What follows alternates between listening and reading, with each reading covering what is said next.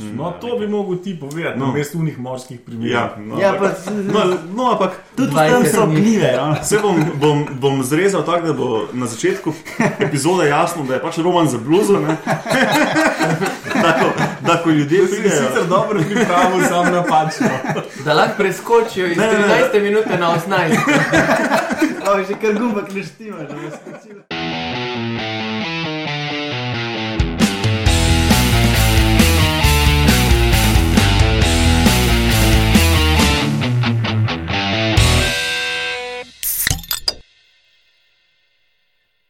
Lep pozdrav, poslušate podcast Metamorfoza. To je 13. epizoda. To je podcast o biologiji organizmov, ki vam jo predstavimo ob lahkotnem pogovoru o pivu ali kakšni drugi pijači. Podcast gostuje na medijskem mreži Metina Lista, na portalu Meta Znanost.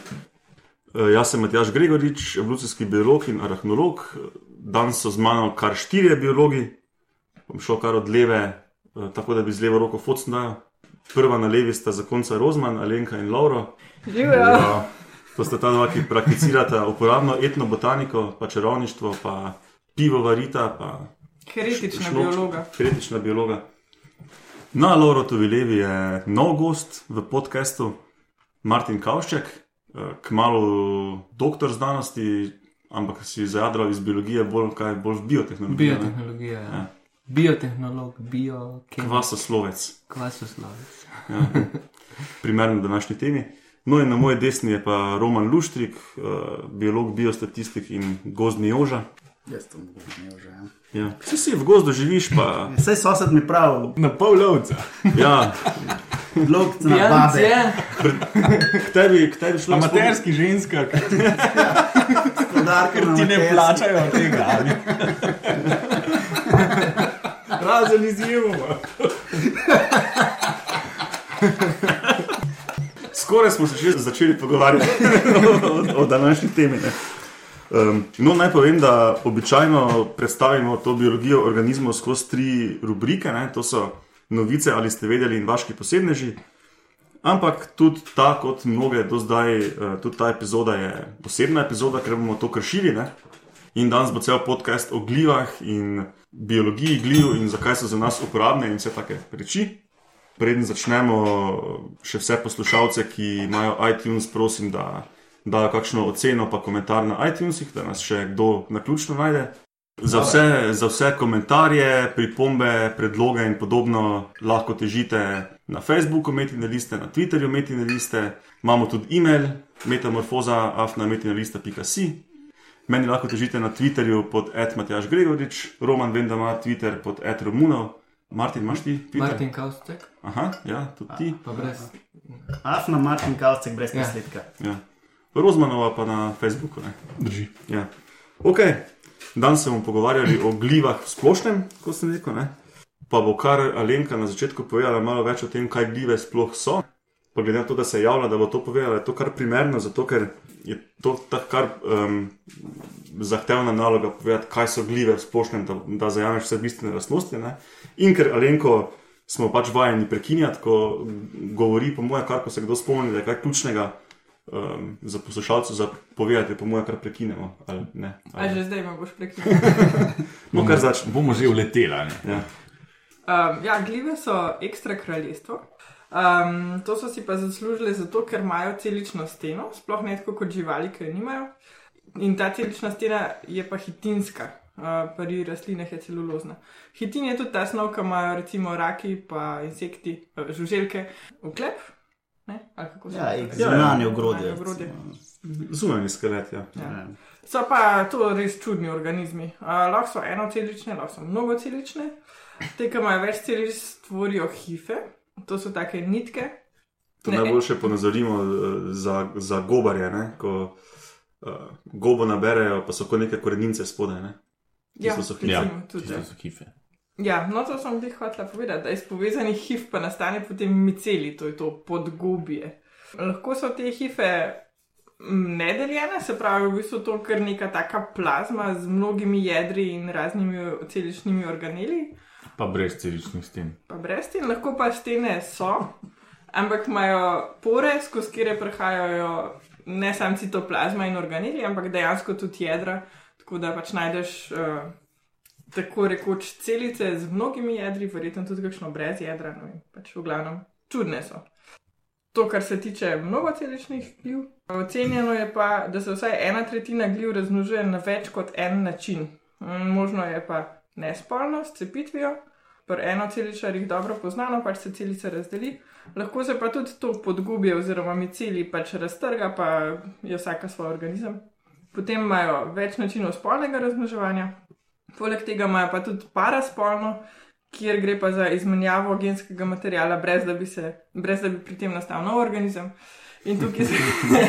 Paraspolno, pa, paraspolno, to je tako, kaj Janša odtrga eno gobo in ima pač svoj gobo. Ne vem, pač Ja, ne, če bi si jo usadil v roko, no, bi bilo to. to E, ja. kaj je pa to, uh, anamorf, pa telomorf?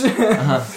Tukaj pride pa še do ful komplikacij, ker je vprašanje vrste, ne, ker pride ja. do hibridizacije in tako skratka, ker tako si mal šerajo Pač ta genski material. ja. to, Ja. No, to je vse, kar sem imela zapovedati, samo dvakrat ste me prekinili, bravo.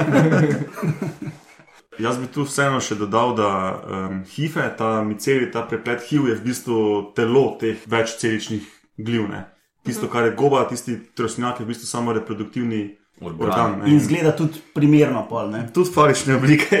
Velikrat. Ali pa, ali pa celo kot kakšna taka zvezda, ne, tudi je tako. bolj. Kot svetnic. Ja, kot cvet. ki ga lahko utrga. Tudi s primernimi vonjavami, včasih Ja, ja, ja. malo. No, skratka, ta, ta preplet HIV. Mavrah ni goba, prosim, lepo. Ker, ker, sem, ker je uh, askomiceta in askomiceta ne delajo gob, Po definiciji. po definiciji. No, ja, pač uh, Bazidijo micete pa. še zdaleč ne, da bi vse gljive sploh uh, imele te trosnjake, te gobe. Ne? In tudi te, ki imajo trosnjake, se običajno lahko tudi vegetativno razmnožujejo. Mislim, da te, te hife, ti prepleti, ne, so lahko blazno stari, ono par sto let tudi pa to. Pa blazen. Samo v, sa, samo v ugodnih razmerah pa poženejo te trosnjake in se potem razmnožujejo spolno. Ne. Ta, to, kar mi vidimo kot gobe, so v bistvu samo lulčki, pa lulike. Um, V bistvu oboje vene, ne. Od bivne, oboje vene. Ja. Ja, ki pa ne spore, ne. Pa pol špore na koncu, Ja. ne. No, in zdaj rdeča nit tega podcasta bojo pač gljive ne, in njihova biološka, ekološka vloga, in s tem bomo povezali še pa kako uporabo za človeka in tako A pa so naprej. sploh uporabni. Za nas? Ja, Si jih jemo. Robno. Zelo uporabne. Mislim, Alkohola sploh ne bi mogel Zraven- zdaj le drugače. ne. zraven bakterij so glavni razkrojevalci, ne? imajo eno od glavnih vlog pri kroženju snovi. Recimo. Um, Ja, razpad lesa v gozdu je predvsem na račun gljiv. Ne, se pravi, teh- Pa sir, je tudi. to, to je že človeška stvar. Ne? tudi alkohol je človeška sir? stvar. No, ba je, da sloni, to sem po televiziji slišal, da sloni tudi lahko fermentirajo v gorilcu. Ne vem pa če je res. Rečemo, da je. Pa no, vse imaš tudi uh, kar nekaj živali, s, um, uporablja alkohol. Ne? Mm -hmm. Mislim, da prav sloni, ne? pa medvedi, pa vinske mušice, meni se zdi. Ja, valjda. Ja. Mislim, mislim, vsi te, če imajo možnost, se želi zadevajo z alkoholom. No, drugače, kaj se ljudi tiče, it- itak hrana, alkohol, pesticidi, detergenti, Zdravila. zdravila, ja, um, antibiotiki, ja, vse sorte. No, in kruh je um, pa itak brez veze. Kruh tudi. Ja. vse je neko hrana. Ne? No, in um, gljive imajo pač neko povezavo, ali simbionsko, ali parazitsko, ali kak, kakokoli že, z vsemi ostalimi kraljestvi. Tako ena od bolj značilnih je pa mikoriza, jo praktično vse rastline, mislim, da um, koristijo, o tem bo pa Martin malo več povedal. Ne? Praktično vse pomeni približno 90% No, vseh no. rastlinskih vrst. Je pa to v bistvu uh, mutualizem, kar pomeni, da ima ta oba partnerja koristane. To imam jaz čez. Ja. Ne, ne meni v hife hoditi. No, in pri mikorizi v bistvu gre za, za povezavo med, eh, med eh, rastlino oziroma med korenino rastline pa gljivo in zato je tudi v bistvu ime miko kot gljiva in riza kot rizom kot uh, korenina. Je pa to zelo, zelo stara uh, simbioza, ki se je v bistvu razvila malo potem, ko, je, uh, ko so rastline dejansko prišle na kopno. Ne. V bistvu so našli že um, fosile, kjer so v bistvu videli odtise, ki so podobni tem arbuskulom. Um, rebus. arbuskul je pa v bistvu, ko gljiva pride, ne, um, dejansko v v celico, ne, naredi ta karbuskol, ki v bistvu zgleda kot drevo in je v bistvu zelo ta hifa. Um, zelo zavita noter, zato da je čim večja površina, um, kjer se lahko uh, izmenjujejo snovi. Zgleda no. verjetno tako kot en tumorček. Ja, v bistvu, v debelina. bistvu zgleda, ne, ali pa tako bi, eh, ne vem, ko imamo to uh, uh, na možganih, uh, te uh, valove. Ja, ja. No, v bistvu tako zgleda. Uh, not. Kdaj so pa glide prišle na kopno? Verjetno pred rastlinami. Ali pa, Se to je full Ali pa slabo isti- drugače. Se vem, da to pa vprašam, ker Ja, ali ja. pa isti, ali pa verjetno. Ali, Kdaj so pa rastline prišle? uh, Malo zagljivo. a je bilo 500 milijonov? Možno, možno. Mislim, ne. da je bilo 500 milijonov let uh, ja. nazaj, so prve rastline prišle. No, in um, uh, fora te simbioze je, da gljiva dejansko uh, razkraja, gljive razkrajajo organske snovi, ne, jih prevzemajo um, in jih potem transportirajo uh, k rastlini, ne, v vodni raztopini, kar pomeni, da v bistvu rastline dobijo um, več uh, organskih snovi. Oziroma, mineralnih snovi, um, zato da pač lahko hitreje rastejo, rastlina pa da del teh presežnih ugljikov, hidratov, glukoze, ki jo lahko zaradi tega proizvede glivi, zato da lahko pač Cukre v glavu. cukre, ja, v bistvu. V bistvu efektivno poveča volumen, ki ga doseže rastlina s svojim koreninam. Se pravi, ima svoje korenine, plus še ima vse. Ja, tako, zaradi tega, ker v bistvu in te, gljive, te glive so dejansko, hife teh gliv, a ne so približno desetinko enih eh, tega koreninskega laska, mm. kar pomeni, da lahko pridejo v, v tudi zelo manjše predelčke, kamor korenina dejansko ne bi mogla bistveno boljši izkoristek. Tako, ja. Dobi rastline um, z tega ven. In pa v bistvu um, tudi uh, uh, zadržuje uh, organsko snov v, uh, v zemlji ne, in, pač, uh, in s tem tudi vodo veže na sebe, kar pomeni, da se pač organske snovi oziroma mineralne snovi pa uh, počasneje spirajo v, v potalnico recimo, in so pač na voljo rastlinam.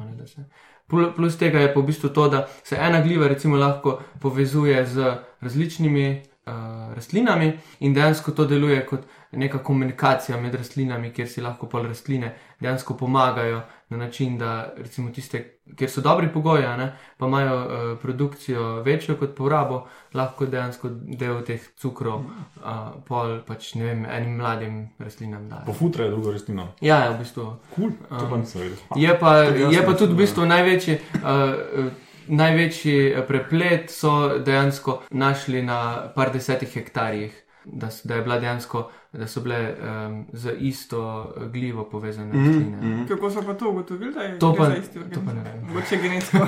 To se Genetsko verjetno zelo težko, po mojem, zaradi tega, ker, ker, imaš, ker je zelo težko sploh. Um, pa to so delali 20 let nazaj, poskusite tega verjetno. Ne. takrat Ok, ne genetsko. Ja, in uh, ja, je pa dejansko neki uh, rastlin tudi, ki nujno rabijo mikorizo, ne, to so recimo uh, orhideje. Ki imajo tako mala semena, da pri uh, kalitvi dejansko rabijo uh, nujno uh, infek, infekcijo te gljive oziroma mikorizacijo, zato da dejansko sploh lahko začnejo rasti, a ne, ker takrat na začetku rabijo. Ni tudi, ni tudi obratno nujno, da nekatere gljive rabijo nujno drevesa. Je Da, to recimo Jurček, pa no, ja, to, na to sem štartal zdaj. Ja, da, blazen, blazen biznis bi bil, če bi lahko vsak v dnevni sobi gojil jurčke, pa ni tako simpel. Ne? Ja, to ja. si moja mama predstavljala, da bom jaz prišel iz faksa, bom pa znal Jurčke gojiti. ne. Ja, in bo- Začalo sem jo. Vsako jesen me to vpraša, veš, sem se zdaj že spomnil. Ja, in uh, uh, odkrili so pa to, uh, to povezavo v bistvu približno 100 let nazaj v gozdu, ne, ker, ker so pa um, ektomikorizne gljive, ki, ki so uh, povezane z iglavci, uh, so dejansko take, da, da ne grejo dejansko v celico noter in ustvarjajo tak preplet okoli korenine in se dejansko s prostim očesom vidi. Prav, ukol ne noter. Ja, ja, tako. Zato je ekto. Ne, ker- Ja, endomikoriza, ta je pa. ta Endo je pa not. Endo je pa dejansko, da prodre v celico. ne. Um, pa zelo pomembne so recimo uh, sploh na takih um, rastiščih, kjer, je, kjer so slabi pogoji, ne recimo ali, ali da je zelo kisla zemlja, um, zaradi tega, ker pol uh, dejansko pač rastline ne morejo prevzemati niti hranilnih snovi. ker Vode ja. premalo. In dejansko tudi uh, so dokazali, da te glive recimo dejansko uh, spreminjajo pH, zato da dejansko vzpostavijo boljše. Mm. Ali pa recimo vem, na rastiščih, kjer je zelo veliko uh, težkih kovin, uh, so tudi zelo pomembne. Pa dejansko uh, največ je pa recimo, najbolj pomemben je pa prevzem fosforja. Ne? Recimo te um, endosimbionske bakterije so predvsem za, za dušik, a ne? glive so pa bolj pomembne za fosfor. Se pravi, da, da rastlina dobi fosfor. Ja, da, da je dejansko pač uh, transport fosforja. V... A pa misliš, da so že razmišljali, da bi na mest mineralnih gnojil uporabljali te mikorizne gljive? Seveda. No, se to je bilo moje naslednje vprašanje, ker pač jaz vem, da uh, oni imajo doma, mislim, da ima oče tvoj, ne? Um, doma firmo, ki se nekako navezuje na, vsaj na mikorizo, če ne na kakšne druge. Na večino. mikorizo. Zdaj pa čisto tebe, odvisno, kako hočeš govoriti o tej firmi, no, ampak zihar veš, kaj o tem, kako mi to uporabljamo. No. Ja, v bistvu uh, mikoriza se uporablja kot uradni status, je, da je to biognojilo. Čeprav v bistvu to ni gnojilo, ne, ampak mm. je to v bistvu pač, to je dejansko um, substrat, kjer uh, se prej v, v rastlinjaku namnoži te uh, hife in uh, spore, v bistvu daš uh, rastline v zelo tak zračen substrat in daš slabo, uh, zelo slabe pogoje rastlinam, zato da rastline rabijo mikorizo in pa se v bistvu to namnoži, ne, in pa lahko to v bistvu kot inokulum uporabljaš takrat, ko. In kva? Inokulum. Neki za oko. glavno. Ja, Laura, Laura hoče namigniti, da pač moramo za poslušalce to malo. Inokulum je pa, inokulum je pa v bistvu. Um, Kaj zdaj pa če po slovensko? Vcepek. Vcepek, no. Ne, se. Ne, zdaj sem zdaj sem zdaj smislil, to je. Jaz ne vem, ampak. Ja, se verjetno Ja. ja. je, ja, zaradi tega, Pač- ker rečeš, ja. da inokuliraš, oziroma eh, Da, slovensko, cep- da cepiš. Da cepiš, ja. Um, to je v bistvu zelo, eh, zelo skoncentriran um, Ocepek. vcepek, kam. Uh, ja, Tako kot daš šlico kisega mleka v mlek, da se skisa. Ja, ja. tako, to je Začetna za kultura. štart, To je- to je začetna kultura. Ja, štarter. Ja, no in, uh, in dejansko uh, to lahko narediš že takrat, ko, ko poseješ. a ne? In dejansko rastlina že od čisto začetka spostavi to mikorizo. Že od malih korenin. Um, in dejansko potem, ko se presaja, imaš dejansko že tisti stres, se pravi, namesto, da razmačen. bi, namesto da bi vnašal ful nekih snovi zraven, kar bi bilo gnojilo, pač ti vzpostaviš, v bistvu omogočiš rastlini, da ima, Da da tisto, ima kar malo je bolj že. podobne pogoje, kot jih ima drugače na nekem naravnem rastišču, da izko- izkorišča, kar je že v zemlji. Da, v bistvu, ja, da tisto, kar je že v zemlji, se čim bolj izkoristi, Ja, ja, da se ja, v bistvu ja. pač. Se pravi, moraš manj gn- gnojiti in vnašati. Ja, dejansko nekih- manj, nekih manj stvari. gnojit, pa, pa veliko boljša je pa predvsem um, odpornost na, na sušo. Um, zaradi tega, ker, ker dejansko je ta volumen, odkuder lahko se voda prizema, veliko večji. Predvsem mm. se to vidi pol, recimo v kakih uh, lončnicah. Ne? Ko imaš, vem, na, en, uh, na en dan, ko je ful eh, vroče, dejansko, ne vem, bi mogel dvakrat, trikrat zalita, ne? da bi bilo dosti vode. Tako Pa dejansko te glive delujejo kot rezervoar vode takrat. Če bi ljudje radi kaj več o tem izvedeli, uh, hočeš mogoče povedati, kje za vse te tri poslušalce, ki zdaj poslušajo? Mikoriza.si. Um, ja. Ja, pa če pa hočete, če pa hoče mogoče kaj več uh, dejansko glede raziskav mikorize zvedeti, je pa v bistvu uh, ena spletna stran, kjer uh, na oddelku za agronomijo se ukvarjajo s tem. Biotehniške fakultete. Tako. Se nimamo kjer drugega. oddelka za- No, ampak ja. Univerza v Ljubljani. Uh, je pa v bistvu mikoriza po angliško, se pravi M- m, Y. z Y, pa dva R, minus slovenija.com. Aha. Tudi pač Bomo dali raziskava. link eh, v, v zapiske. Oni gledajo pa v bistvu, kako vpliva CO2 na združbo mikorize um, in so delali v bistvu primerjavo na teh uh, vzorcih, uh, vrelcih uh, CO2. -ja. A, To je šlo Um, bolj skozi.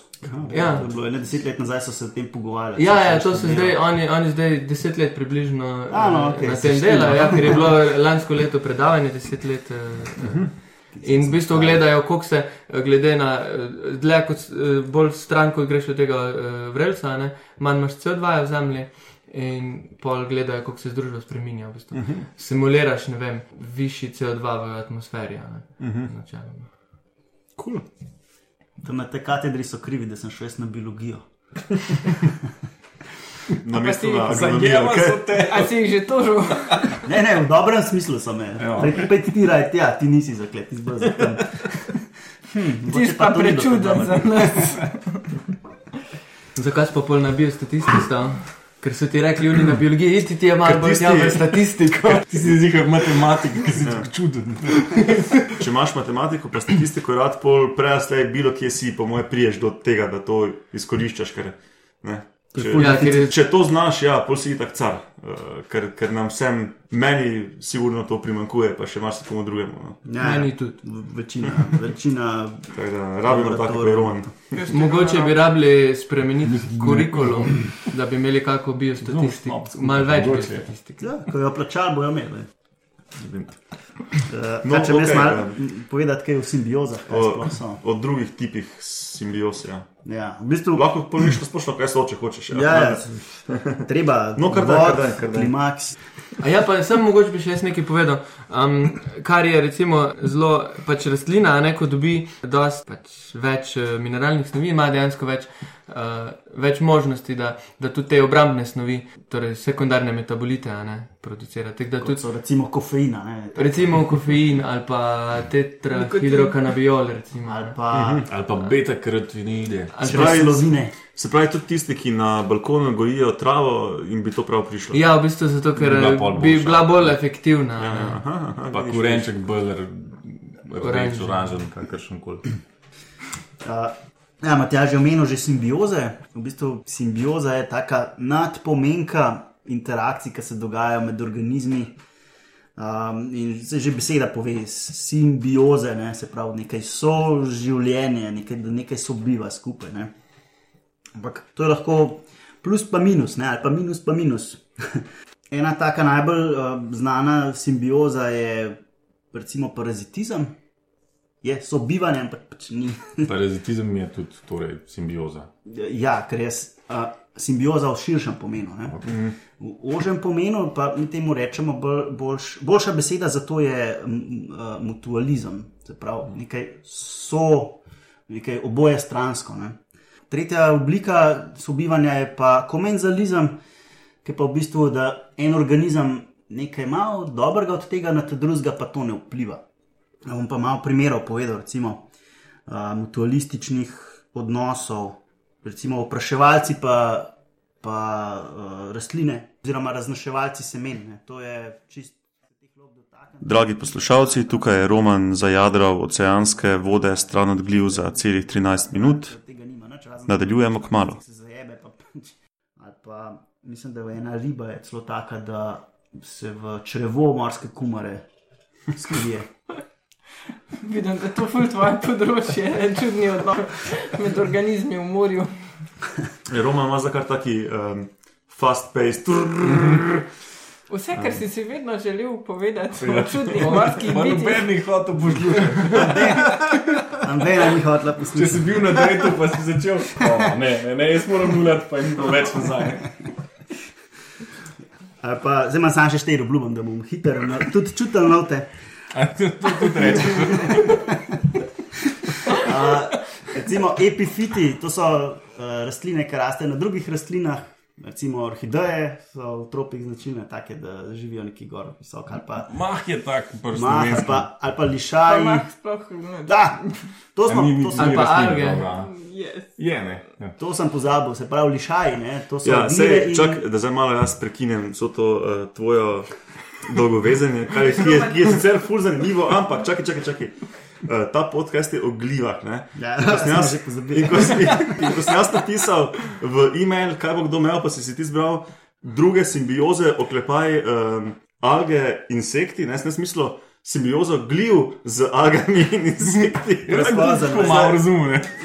Zdaj, zdaj še nismo imeli gljiv, ampak to, ja, jaz sem te pač Mogoče pa bo, čak, še, še pol ure. Ali se še, Ne. ali se še ne ogreva? Ne, ne. Le, le ni več gljiv, Tako da vsak zmanjka materijala, pa je. razmisli. No, recimo lišaje, skupaj, so, ja. da boš omenil tukaj. Ne? Ne, se sem hotel napisati, pa pač le, pes pojedel. Uh, ja, Maček liša, je lišaji so v bistvu povezava med glivo in algo, uh, ki tvorijo take pač strukture, epifitske strukture ne, na drevesih. Okay, no, to, za komenzale je to. to. Se, se pravi, komenzali so tisti, ki pač en neki profitira, drug mu pa pač dol visi, mutualisti so pa tisti, ki nekako oba profitirata, paraziti so pa tam, ki pač en je negativno vplivan, drug pa Kaj si pa mislil z, z uh, insekti? A to Bom, s- bom jaz povedal. Pri Pa, insektih boš ti povedal. to. Ne, ne bom, ampak en primer No, sem naštudiral. A pa je povezan z glivami. Definitivno. Dobro, Tako je. ja. Ja, ja. Jaz sem kratek, ampak jeval, ne kako že. Um, no, jaz imam uh, parazitizem plus gobe, oziroma uh, patogenost, kar je so omega, nad omega, vse ni važen. V glavnem, naštudiral sem en lep primer v živalskem svetu, ki ni človek, ampak je mravlja. Ampak konec koncev tudi mravlja je samo človek. Tako Samo druge sorte, ja, res je. pa dajmo. No. Se pravi, v nekih gozdovih, nekje po svetu, ni bistveno, kje se še ta ena mravlja, ki je po tleh. Je v gozdu skrita vas. No, tisto zmrk si pustimo. Se še ta mravlja po tleh, pade na njo kapljica, una kapljica vsebuje sporo in una spora se zrine Spor od gljive. od gljive, ja, seveda, od gljive. Um, se zarine v tisto mravljo noter, v njeno glavo, v njen možgan in prisil tisto mravljo, da postane mravlja zombi. In potem, potem una mravlja pod vplivom tiste gljive, se pravi njene hife, ki vrtake po um, niti ne možganih, ampak ganglijih. Ja. jo pač pripravi ta gljiva, da spleza slab meter nad tlemi, ne, pač določeno je koliko visoko uh, na list, in potem se gre na spodnjo stran lista, se zagrize na sredino lista ob natančno um, 12, ne, oziroma ko je sonce najviše na nebu. Uh, se zagrize in potem v, v tisti list in se tam gor obes, in potem pač uh, mravlja umre, Zagrizeno umre. zagrizen umre, pač rigor mortis in pač obstane tam. Una gljiva se razčefur čez celo mravljo, naredi uh, pač cel razmnoževanje, se pač razraste čez celo una boga mravljo in potem pač gleda, no, verjetno v tropih spet pade dež in se potem na sred lista pač uno mravljo lepo omoči in potem spet pada dol ne, na tla in pač spet pade na drugo mravljo. In tako je krok lepo zaključen, in tako pač recimo gljiva dela zombi mravlje. No, to, Okej. okay. si, a, si končal. Ja, tudi to. No, No, ne, sem se- imam še kaj drugega materiala, ampak ta je bil. Da no, ste roman. Zdaj je komentar. ne, bom sam še, um, uh, recimo, te krojaške mravlje, ki so zelo znane, se pravi, leaf cutter ants, reče v angleščini, če bodo googlal. Uh, so mravlje, ki To je vse v peti epizodi podcasta. Okay, O, o mravljah, o In- in da kultivirajo- ki, ki imajo agrikulturo, In o mravljah, ki imajo služne lastništvo, vse to. Aha, Nisem poslušal. no, se zdaj v glavnem. Povej, povej, povej, povej, povej. Te mravlje nabirajo listje, s katerim futrajo tiste gljive, ki jih pol jejo in s tem. Pač, No, to bi mogel ti povedati, no. Mestu unih morskih primerov. Ja, no, Ja, ampak, pa, no, no, ampak tudi tam 20 so gljive. No. Vse bom, bom, bom zrezal tako, da bo na začetku epizode jasno, da je pač roman za bluzo. ne. da, ko, ljudje pridejo. sicer dobro pripravil, sam napačno. Da lahko preskočijo iz Ne, ne, ne. 13 minut na 18. Oh, že kar gumbak leštima, da bi skočil. Tam gre vmes grejo lule. Da pač da vrsti vse, so oglasi. vse gljive še pridejo, ampak po, po romanu. Um, ja, no, vse, um, v peti epizodi smo z, z Martinom se recimo pogovarjali o tem, da so ugotovili, da te gljive, ki jih gojijo mravlje, ne, so genetsko drugačne od gljiv v naravi, tako da dejansko gensko manipulirajo um, svoja polja gljiv. Selekcijo Pač, ustvarjajo. ja, ja. ker Selekcijo, sami- ja. Ker ker samica tisti prežveč, malo micelija sabo nese v novo gnezdo in se tako recimo tist- tiste, tist cev lahko naprej eh, se. No, jaz sem pač um, upal, da ko boš ti govoril o simbiozah gljiv z insekti, ne, da bom jaz pristavil eno uh, študijo, ki je bila ne vem, kakšna dva, tri mesece nazaj objavljena. In sicer um, šlo je za kvasovke, te, ta pekovski kvas, ne, uh, Saharomyces cerevisiae. Pač uporabljajo ga že stoletja, ampak eh, zelo malo povejo o biologiji te vrste v bistvu. Ne. Uh, pač kot um, naravi. kot, kot dost gljiv se pač razmnožujejo z brstenjem, ne, se pravi iz ene celice pač raste nova mala celica.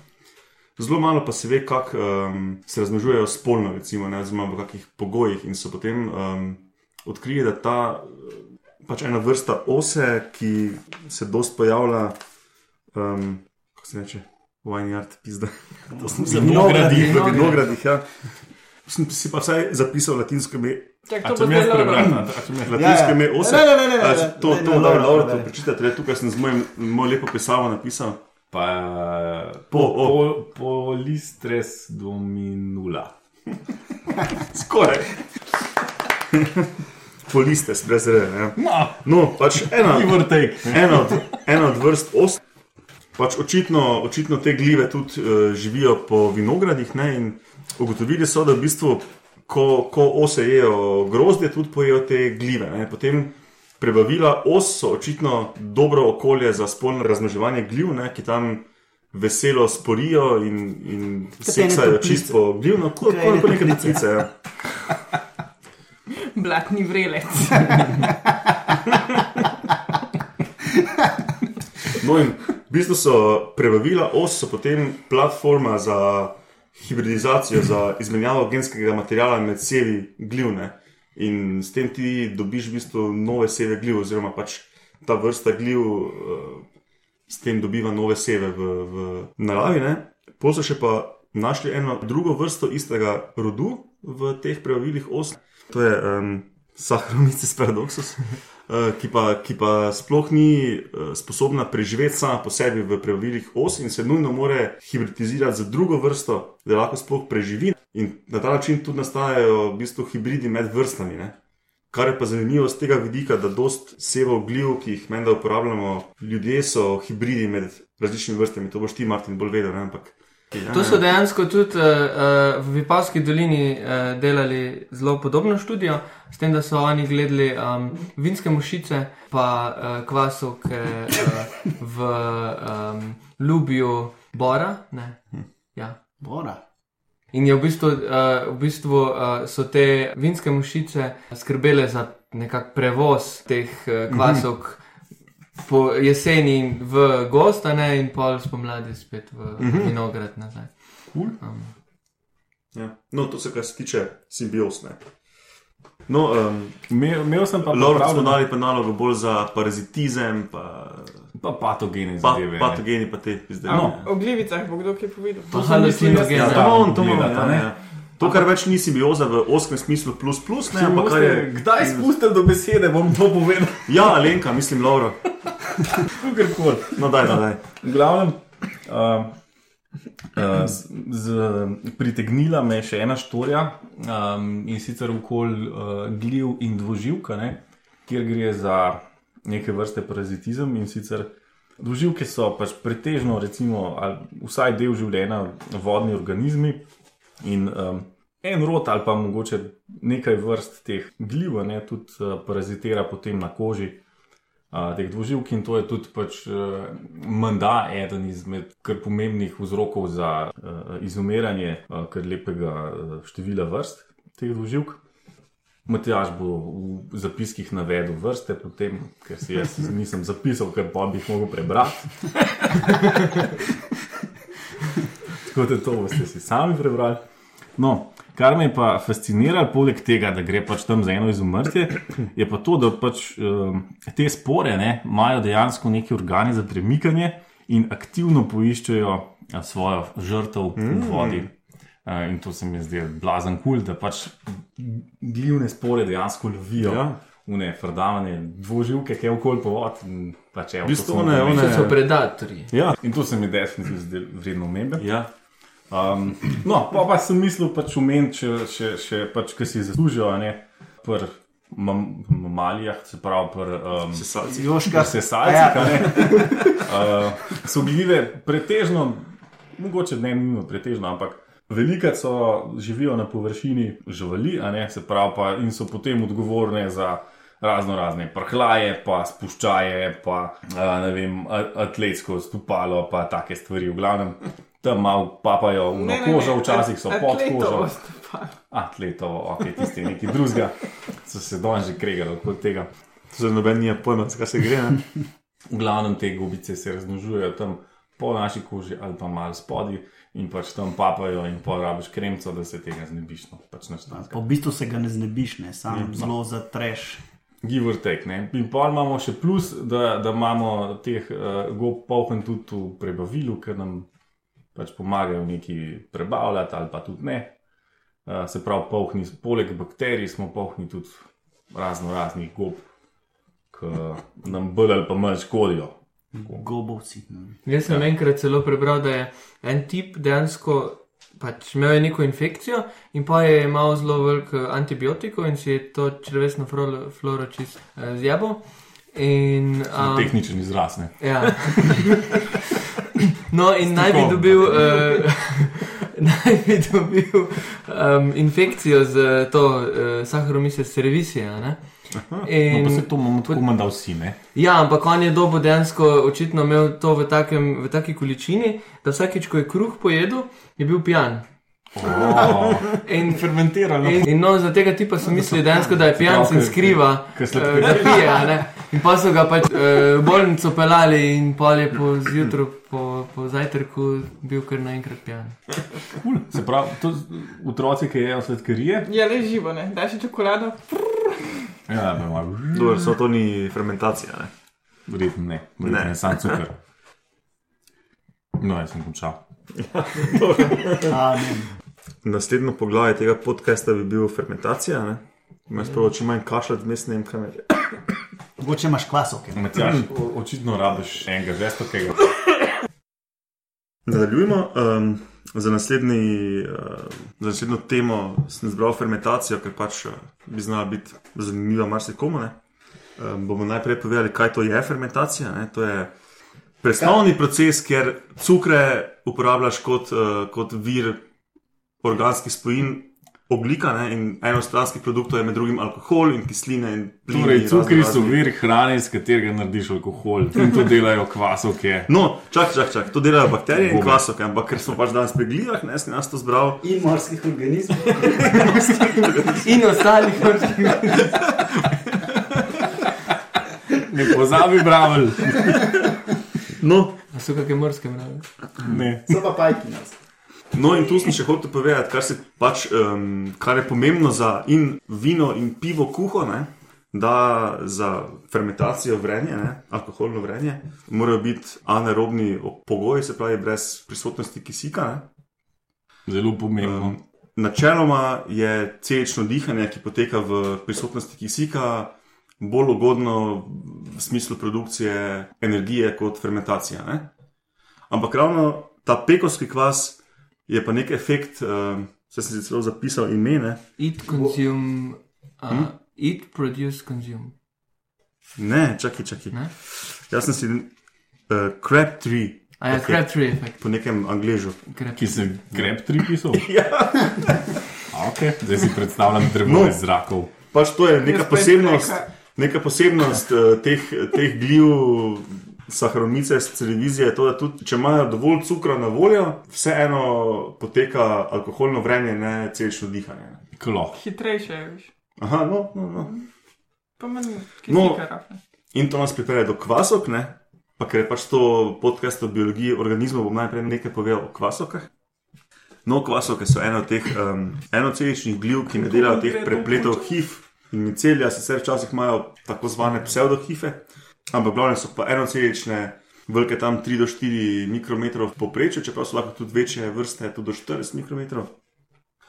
Um, niso neka, kot bi rekli v biologiji, monofiletska skupina, se pravi, nimajo skupnega prednika, ne? vse, kar je majhno, enocelično in pač vržemo v ta, v ta nek pojem kvasok. Ne? Tako da imamo pač, kot si ti Marko Majhno rekel. enocelično pa ima eh, hitin. No, ja, je pač, da, majhna enocelična gljiva. Ne? No, um, to je en od prvih organizmov, ki jih je človek uh, udomačil. To, uh, že pri Egipčanih pred 4000 leti so um, našli neke dokaze, da so um, si z njimi pomagali pri hrani. Ne? No, in so kemoorganotrofi, ne, se pravi, ima, se pravi, izkoriščajo ne svetlobo za produkcijo energije, ampak sladkorje. V glavnem heksoze, naprimer um, glukoza ali pa fruktoza, ne, sta taka dva. Se pravi, um, sladkorje, ki jih najdeš v sadju, zelenjavi in podobno. Ne. To ne vem, uh, grozdje ima glukozo. Fruktozo. Fruktozo, Za- več- zakaj pa pravijo- oboje v bistvu. za- Zakaj pravijo um, glukozi tudi uh, grozni sladkor? V bistvu v, v, um, v eh, tem, kako se reče, mast, ko, zmle, eh, ko grozdje, uh, mast je po angliško. Se pravi, Ja, bo- tropina. ali- Ja, tam, ko v bistvu, ko, ko zmleješ grozdje, ne? Mhm. tam noter je približno 200 gramov na liter uh, glukoze, Mhm. pa še približno 70 gramov uh, fruktoze. mislim. Mhm. Bolje glukoza, ta glavna sladka. Ker večina drugih, drugega sadja ima pa fruktozo, verjetno. Ne? No, se pravi, to so, da mogoče za poslušalce povemo, pač oglikovi hidrati so take, taki obročki ogliko z nekimi drugimi stvarmi gor, ne? bomo tako rekli, čim bolj enostavno. to Ne? ven vriš. Sla, Ja, sladkor, vse vsi vemo, kaj je sladkor. Ja, ampak pol imaš pa škrop, ne? Škrop je pa več. ki je mnogo, mnogo teh obročkov glukoz nanizanih, razvejanih. Ne? Um, Je pa v grlica iz glukoz. ja, nam, to je treba povedati, ker bomo tudi o pivu in vinu govorili. Ne? Naš krop je v grlica iz sladkorja. Ja. Razvejano, Glukoz. Ja. No, in um, ravno pač to lastnost uh, kvasov izrabljamo pač v, v vino in pivo kuhine. Zdaj pač pri vinu stisnemo grozdje in imamo takoj glukozo v tistem soku, ki jih lahko kvasovke prebavijo, in enostranskih produktov je tudi um, alkohol med drugim. Pri pivu, pač kot pri večini rastlin, ki imajo oglikove hidrate kot neko Založno snov. založno snov, je pa to v obliki škroba in moramo pač to namakati v, na neki določeni temperaturi, da se to pretvori v enostavne sladkorje, kot je kvasov glukoza, lahko recimo. jejo. To so lih dva dni nazaj, ne. To smo delali dva dni nazaj. zraven hmeljevega čaja. No, en od enostranskih produktov je tudi CO2, recimo, kar potem tudi v kruhu um, uporabljamo. Ne? Pa tudi ne. Ja. Saj, kaj pa je Pa da je kvasovke, penca, kadar- pa, pa, pa, pa sparkasi. Kadar kvasaš kruh, ker je načeloma sam škrob tam noter, ne v tisti muki. Ti daš malo cukra zraven na začetku, ponovadi. Ja, Po mojem je tudi v, v, po mojem tega rabiš zelo malo, pa verjetno tudi v moki je eh, nek določen del razgrajenih. Ja, ja. Na, tudi, tudi to je fora, recimo, teh, um, teh angliških L tipov piva in um, lagro je, je recimo fora v tem, da ti namakaš žito pri drugi temperaturi. Um, pač s temperaturo izbereš encime, ki pri določeni temperaturi delajo, ne? in potem ti škrob razgradijo na zelo enostavne cukre, ali pa pač pustijo drugi encimi malo več eh, bolj kompleksnih verik, ne? in potem. Ja, in potem recimo ele ti namakaš v višji temperaturi in ostane več eh, nekih kompleksnejših verig uh -huh. glukoze, ki je kvasovke ne morejo ponuditi, in potem so eli bolj sladkasti, uh -huh. bolj motni in vse to. Ne. Ima mogoče več okusa. Kot smo prej omenili, v prisotnosti kisika pa poteče krepsov cikel, ne. se pravi. Tudi če se začne fermentacija v anaerobnih pogojih, se pravi v odsotnosti kisika, pa pride potem kisik zraven, um, kvasovke ponujajo te produkte, ki so jih ustvarile pri vretju, še naprej v krepsovem ciklu, in um, glavni produkt tega je citronska kislina. In kot se je nama z Loretom že kdaj zgodilo, da pokrov fermenterja ni čisto dobro um, Dihtal, dihtal, ne, je, spet sma, tehničen izraz. sma, sma naredila več deset litrov kisa na mesto piva. Yep. Ki je bil pikico alkoholen, ampak še vsem za stran. Ja, zato sem kompost je recimo prej no. sem rekel, eh, mogoče to, um, da imajo to eat, produce, consume. Uh -huh. Strategijo. a ne. Eat pomeni, da pač pojejo te um, sladkorje in potem producirajo alkohol, s- ki je v bistvu pač tudi um, zato tam, da dejansko ubijajo vse, druga, uh, vse druge organizme. a ne. Um, da pač druge, recimo bakterije, ne morejo uh, preživeti. In pol pa še tisto, ostal, uh, tist, kar je ostalo energije v, uh, v alkoholu, v etanolu, pa potem prevzamejo, pa še v bistvu tisto do konca porabijo. Mm. Alkohol je drugač strupen. Že kjer je. Za marsikoga. Uh, naj, te servisije, najboljši sevi, uh, lahko preživijo do 18-19%. Kaj vem ti?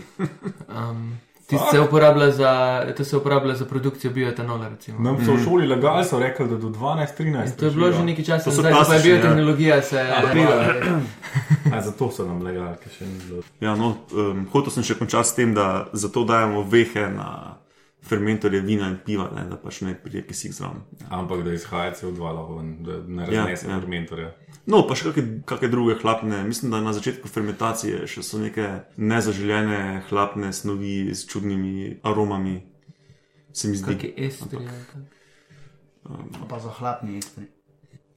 da so estri tisti, ki, so, ki imajo taki maslin okus. Kaj je Estri imajo, estri imajo tako bolj sladek okus. No? Mm. Estri so recimo banana, von banana. Ja, ja, ker recimo tak, pri enih ja. pivih je to zaželjeno, ne? bolj pri elih kot lagerjih. No, ok, to je to, kar sem smel zapovedati o fermentaciji. Zdaj pa za zadnjo uh, rubriko današnje oddaje. Sem v bistvu tebe, Martin, hotel malo tako uh, Potunkati. potunkati v ja, kaj pri glivah. Um, Izkori, mislim, ka- kak jih izkoriščamo kot modelne organizme, pa ne vem, kaj vse še izkoriščamo pri njih za, na, za pač našo pravo, od biogoriv do, kaj pa sem, kaj če se to veš, pač ti malo. Ja, no, v bistvu prav ta, eh, ta kvasovka, ne Saharomyces cerevisiae, je v bistvu eden izmed najbolj, najbolj preučevanih, pa najbolj je preučenih organizmov eh, na svetu, verjetno. Um, Če ne v vesolju. to ne vem. To ne vem. Zaenkrat lahko tako trdimo.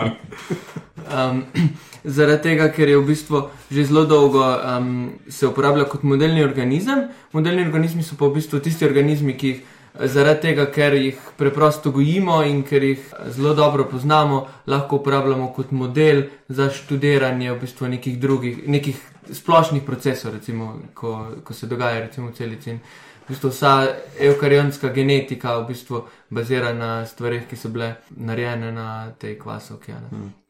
Um, in je v bistvu zaradi tega, ker je v bistvu eukarionska celica, kar pomeni, da ima, da ima uh, celične organele. To pomeni, da so to so gljive, rastline, živali, Tako. ne pa bakterije. Ja, in je v bistvu, zato je v bistvu dokaj po, podobna tudi uh, sesavčim celicam, pa našim celicam, ne?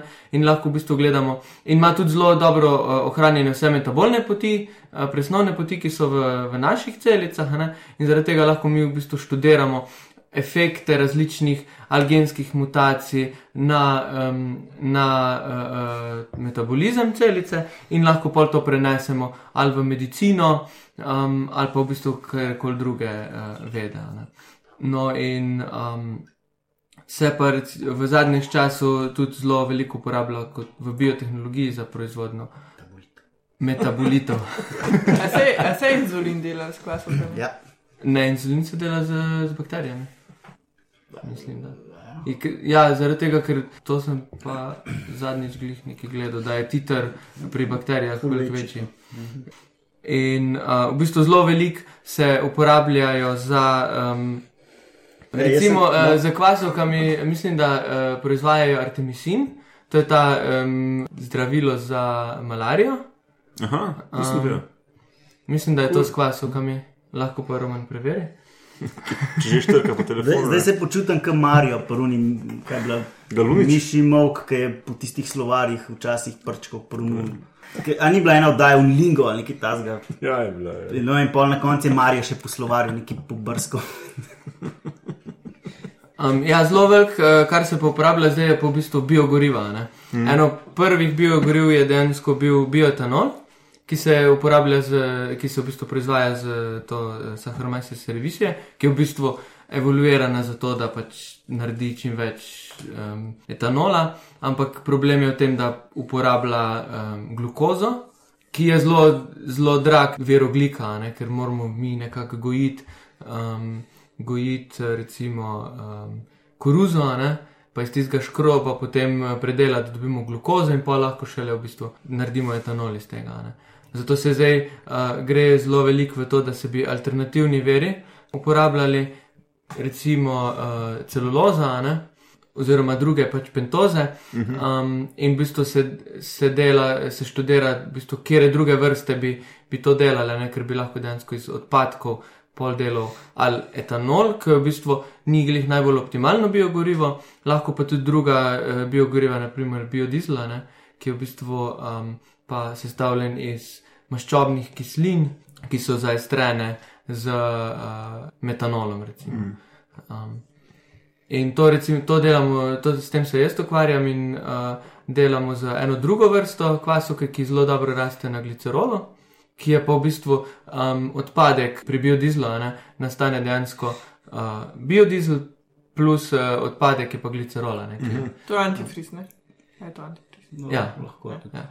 No, in v bistvu na ta način skleneš ta, ta krok, eh, ta krok da v bistvu eh, nek odpadek v, eh, v proizvodnji ti je potem uh, surovina za Ja, drug super, izdelek, super, ja. Največji problem je pa v bistvu to, da so to enocelični organizmi in načeloma takih velikih spojin, kot so maščobe, ne, ne uh, pošiljajo iz celice, ker so to njihove zaloge. a ne. In v bistvu največji problem je to, kako spraviti, na kak način to spraviti iz celice, ker če to hočeš mehansko, moraš dejansko to segreti in uh, da je dejansko tok energije se porabi, da je dejansko proces pol na koncu negativen. Ne. Um, Ja, tako da se pa, se pa zelo dejansko zdaj um, zelo velik eh, prehranskih uh, dodatkov, tudi uh, recimo citrat, si rekel prej, ne, to se proizvaja z različnimi vrstami kvasov. v bistvu mi rečemo nekonvencionalne kvasovke. To je vse, kar ni saharomajse servisije. Dejansko je razvoj zdaj tako tako hiter, da, da lahko tudi gensko spremenimo kjerkoli kjerkol drugo vrsto kvasov, ne, ne samo servisije. Um, če boste pogledali, mogoče. Um, se pravi, Metodo CRISPR. vse, kar, kar, mm. kar bi una mogla. ja, CRISPR je super, ja. ful ima ful potencijala. Ja, ki ga moramo še razviti. Jaz sem pogledal, ja, Kaj pa je E. CRISPR? za, Ekol je za, za inzulin. za inzulin. Sem mm. sicer tudi z, z glivami, ampak je koli fajn, ker zna tisti izločati, pa prcorlaven inzulin mm. iz fermentorja.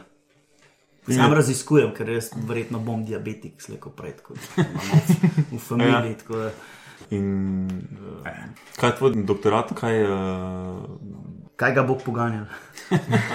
A bo že biodizel? ne mislim, Pivo. Um, lahko poveš kaj konkretnega, uh, na kaj si štartal v raziskavah? Ali... V bistvu mi, uh, uh, mi gledamo eno oljno kvasovko. Po slovensko se reče oljna kvasovka, uh, jerovija, lipolitika, ki v bistvu že uh, v naravi uh, jo najdemo na zelo um, takih mastnih okoljih, recimo mm. na klobasah, na, uh, na Naravi. Plemenita plesen, torej. Ja, v naravi. Um, no, in uh, ja, eh, v bistvu mi smo naredili uh, metabolni model, ne, kar pomeni, da smo vzeli um, vse metabolne poti v celici in smo jih simulirali v računalniku in gledamo v bistvu na kak način. Ali sprememba nekih abiotskih dejavnikov, to se pravi, recimo, vem, privzema uh, kisika, uh, na kak način to vpliva na proizvodne maščobe. ne. Um, Pa so res vse metabolne poti zajete. Dobro, no, ti. Uh, skoraj vse. Um, ja, reče se v bistvu genome scale model, uh, kar pomeni genomski model, ampak uh, noter je približno 20% vseh genov, zaradi tega, ker je, so samo metabolni No, pa geni, ne pa, dost, ne? ne pa, ne pa regulatorni a ne, um, Ja, ja, ja. ja. geni. No, in ali pa recimo lahko gledaš tudi, uh, kako, če bi recimo nek gen dodatno vstavil v to celico, a ne, ali bi, a bi se v bistvu proizvodna maščobe lahko povečala. Ali pa če recimo dejansko kak stranski produkt zbrišeš, a bo v bistvu to vplivalo na rast celice. Ne. In na ta način lahko narediš zelo veliko uh, analiz. V računalniku, da v bistvu potem v laboratoriju sprobaš samo tiste najbolj obetavne. a ne. Da naravaš toliko študentov matrati. Ja, tako. Zdaj za spom delovne sile. No, vse si izkušnje pridobivajo. Mi smo zdaj naredili, recimo v naravi, lahko ta kvasovka približno 20% maščobe v suhi snovi. Ker to ste pol klobase s tem mazali. Pa. Ja.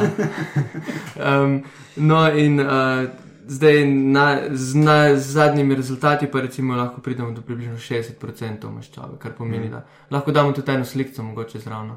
Kako je v bistvu celica, a ne in polnoter je v bistvu res samo ena zelo, zelo velika uh, maščobna telesnica. Ajsa. Um, Ja, ja, super. Han, Kaj je uporabnost? Ja, v bistvu ta maščoba se pol eh, lahko uporablja kot biodizel, Ali pa če, uh, če v bistvu že prej se pa lahko maščobne kisline uporabljajo. Um, recimo naredili so to isto vrsto kvasovke, da so jo gensko spremenili, da proizvaja omega maščobne kisline mm. in se pol uporablja kot hrana za ribe, a ne? Kot ribja hrana, namesto eh, te proteinske ribje moke, um, ki vsebuje tudi omega maščobne kisline, lahko dejansko gojiš. Um, Vhodna snov je pa eh, glicerol, še zmeraj. glicerol, ja, recimo, ker je zelo ne. Um, so, pa tudi, eh, so pa tudi kvasovke, recimo, ko rastejo na, na sirotki, ko je tudi en zelo velik odpadek in lahko v bistvu delaš proteine, a ne kvasne proteine, ki pač jih lahko pol uporabljaš v, v proizvodnji, v, kot hrano za živali ali pa za ljudi. Recimo. Smo tudi sprobali. Se pravi, tiska body bi Prav, Ja, je bilo kar v redu. Smo, omleto smo si naredili. Smo probali, hoteli smo si uh, burger, pač ta. Uh, A, ja, to je bilo, to, to sem na Twitterju ali nekje videl, ja, ko si, ko si Ja, pisal. ja, to in, in fora, problem je pa v tem, da pač to so enocelične uh, uh, organizmi a ne, in ne moreš take konsistence spostaviti. Ja, ja. Je pa dejansko ena, uh, to, to je mogoče zanimivo tudi za podcast. Ja. Uh, se um, uporablja ena gliva, pozarium neki za proizvodnjo veganske, v bistvu uh, nadomestkov. Uh, Mhm. Reče se pa Korn, je, je blagovna znamka in se dobi tudi v Avstriji, ne v Nemčiji, lahko kupiš. In imaš dejansko vse, ne vem, corn, minced chicken ali pa ne vem, za burgerje, uh, pleskavice in to. Um, Tista je pa dejansko uh, v teh pseudomicelijih raste, ne, kar pomeni, da je v bistvu podolgovata in pol se lahko naredi tudi v tako podobno konsistenco kot meso, recimo. Mhm. Taka žila, pa bolj pa to. Ja, vlaknasta. ne. Ja, ja zanimivo, cool. Nisem tega pa še nisem. Ja, mislim, da sem na Twitterju ali nekje sem videl na Facebooku. Ja, Ja, ja, nekaj pisali o tem, da ste. eh, Ja, sem je nekdo kao nek burger delal, pa da niso vseh povabili. Ali, ali nekdo je rekel, zakaj nisi povabil, pa si rekel, ne, to je samo za ta nekaj. A ja, ne, to je bilo pa, to je bilo pa svinsko pečenko. A ja, to, to je bilo to. To je pa drugo. To, To je bilo pa prav, meso. To sem, ja, to je bilo prav. prav. Pa zdaj v lebu uh, tradicionalno uh, svinsko pečenko. Aha, Enkrat na mesec. ki nima nič s kvasovkami. Ne, Če pa je svinska. ampak tisti sem pa mislil, si pa imel mogoče, ker sem imel tako lepo sliko, sem imel simbiozo dveh različnih vrst kvasov. Ena je bila v omleti, a ne ta jerovija. Ko sem jo pojedel, pa je bila še po servisiji pivo zraven. Ja, To je mogoče tudi en tak uh, simbioza. simbioza v človeških želočkih. Pivo in svinska pečenka. Ja, odlično. um. Kaj ima kdo še kaj za dodati, ali končamo to dolgo oddajo? Jaz bi mogoče malo maj, mal teh mojih morskih organizmov oduzel. da sem ful. v bistvu si malo- Overrepresented. Boš že zrezal. Ja, lahko pa ti še posnameš p, enkrat uvod, Ja, pa, pa napiš, pa rečeš, da je, eh, da je vem, ta eh, podcast Oddaja o o, simbiozah morskih o organizmov. glivah in morskih organizmih. In o simbiozah morskih organizmov. Tak, ja. Pa je 20 minut, imamo romana. Monolog. Ja, ali pa narediš dva podcasta iz tega, ne? pa imaš eno o simbiozah, na splošno, eno pa o uporabi gljiv. Ne, se drugačen, uh, sem, sem se pa pogovarjal z Tilnom, recimo, uh, da bi naredili en podcast o mikroorganizmih, ki jih uporabljamo v kuhinji, ne, pač o, o njihovih lastnostih, ki jih potem izrabljamo v kuhariji, pa potem še z onimi njegovimi kolegi, biotehnologi, o pivovarstvu, malo bolj, ker oni tudi uporabljajo druge kvasovke, pa bakterije. Pa tako. Ja, to je zdaj full uh, trend, sploh v vinu tudi nastal, da te druge vrste kvasov. Mhm. Ful- Pa v, pri vinu gre pa je zdaj full um, uh, trend v to, da bi bilo manj alkohola. Ker ljudje hočejo um, pač ne vem, iti na kosilo, a ne med službo, mm. pač piti ne vem, dva deci vina, ne. In pol se pelati nazaj v službo. Ne. Zdaj so spremenjeno vino delati, pismo. Ja, se to, pa, to pa je dejansko že v Ameriki, uporabljajo gensko spremenjene kvasovke uh, za delanje vina, s tem, da, je, da to nikjer ne povejo. Zaradi tega, ker te kva, kvasovka je dejansko ni končni produkt, ampak je v bistvu sam medij, da narediš in tega ne rabiš označiti. No, pa kar se mene tiče, je to čisto ok. Ja, Kaj saj. pa je point tega, da uporabljajo gensko? Ja, v bistvu uh, mislim, da so spremenili um, toleranco na, ne vem, osmo toleranco. Da je v bistvu večja, os, večja osmotoleranca, da v bi- ker v bistvu ti Kaj začneš z narediš s tem? Eh, Ti začneš z 200 gramov uh, glukoze, pa 70 gramov fruktoze, recimo, ne? in to je zelo velik uh, osmotski pritisk na, na celico. Ne? In bi dejansko celico, celico sušito. In če imaš, um, če imaš pač eno kvasovko, ki, ki je bolj uh, odporna na to, začne hitreje fermentirati. Ker če jo daš, recimo, jaz sem enkrat sprobal s, te, s to našo kvasovko in če daš v zelo visoko koncentracijo glicerola, traja več kot en dan, da sploh začne, da se prilagodi in da začne dejansko mm. normalno rasti. A misliš, da je ti, ki so protigensko spremenjeni organizmom, mod to, da delamo inzulin z gensko spremenjeno No. bakterijo? Verjetno ne vejo. Se zdaj se dejansko pojavlja zelo veliko, sploh s tem CRISPR-jem, um, teh bioetičnih vprašanj, sploh s temi, recimo, s temi komarji, a ne? Mm. Komarji te, ne vem, gene drive se reče. No, pa se Um, CRISPR je spet samo metoda, ki se Ja. zelo, zelo učinkovito lahko gen v bistvu ciljaš. Ne? problem CRISPR, ali pa, ja, problem CRISPR je v bistvu v tem, je Da- CRISPR? uh, clustered regulatory interspace palindromy. To so pa Repeats. bakterije zakrivile. Ne? V bistvu je to mislim, da je nek mehanizem bakterij, da dobijo se- imunost. Na veru se. V bistvu. Ja, V bistvu CRISPR je, um, a, to je dejansko en protein, ne, ki a, ima pa zraven še eno molekulo RNA. Um, in v tisti molekuli RNA na koncu je v bistvu približno 20 baznih parov dolgo zaporedje, a ne, ki v bistvu se veže na komplementarno um, Zaporedje. zaporedje od uh, neke druge DNA. Ne? In če v bistvu, um, in tist, v bistvu ta RNA pripelje ta protein na tisto DNA in naredi tam, prereže DNK in dejansko s tem uniči virusa. Ne? Um, in v bistvu- pravi, virusno specifična zadeva, ki pač feed. Ja, ja, tako. Ja. In v bistvu zdaj se pa uporablja na način, da dejansko to RNA molekulo ti tistih 20 baznih parov spremeniš na ta način, da imaš komplementarno tam, kjer ti hočeš narediti res. a ne. In pa lahko dejansko bolj ali manj kjerkoli v genomu pač narediš pravi- točno določeno, točno Se določen. pravi, orodje za rezati. Ja, ja. Ja, orodje- DNA. Zdaj si ti bistveno, Gene- bistveno Ja. bolj uh, učinkovit škarje. pri, Ja, pri ja. rezanju. Prej se Pač- na ključno ja. rezal, In- in to je- in to je zdaj zdaj- se pa tarčno Ja, to je, to je hitro in poceni in natančno. Ne? Pač to je zdaj pač Mm. kao revolucija v metodologiji. No, A se lahko to na ljudeh uporablja? Vse so že. no na, se to je zdaj pač etično, ne? pač kje, kje je zdaj meja. Ampak so pa naredili recimo na, na človeških embrijih, sicer na inaktiviranih, kar pomeni, da so jih v bistvu prej ubili. a ne. Mhm. Um, Kitajci. Ne? ja, Kitajci. Ja. Se mislim, da, so, da je to bilo ful kontroverzno, da so oni to. Um, da bistvu bil kao nek konsens, da naj ne bi na človeških, pa oni to vseeno so. Ne? Ja. Ampak so hkrati, mislim, da še identificirali, da so še pa bile ful neke napake na nekih drugih mestih. a ne. ja, ker v bistvu je zelo, to je največji problem tega, da imaš pač tistih 20 baznih parov ni čisto specifično. Tudi če boš imel nekje 18 baznih parov, a ne bo pač v določenem procentu se tudi tam naredil ta res, mm. pa boš tam dobil mutacijo. Je pa še največji problem, je pa v bistvu uh, še to, da bojo mogli delati, koliko spraviti noter. To DNK, a ne pač. Mm. Več Ker ne, pač ne vem, za kvasovko ni, pro, pri kvasovkah ni problema, a ne? pri kakih drugih organizmih. pa pač. V bistvu je bil blih za ta zadnja, ne predzadnja oddaja frekvence X na valu 200. Ja, se to je je bilo bila o tem, tem. o CRISPR. Ja. Zdaj pa je bil en ful dober podcast uh, od Radio Leva pol leta nazaj, recimo, ali pa še več o tem. No. Je to vse, kar sem imel zapovedati? Seveda. Jaz sem še sam imel. To si že rekel enkrat, ja.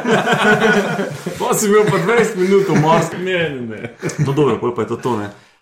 Je nič, še enkrat bi eh, povabil poslušalce, da dajo oceno, pa komentar na iTunesih. Jaz bom dal pet zvezdic. To rabimo, pet zvezdic. Ja, hvala vsem za sodelovanje. Še dva tedna. Ajde, se vidimo. Pa pa. Čau.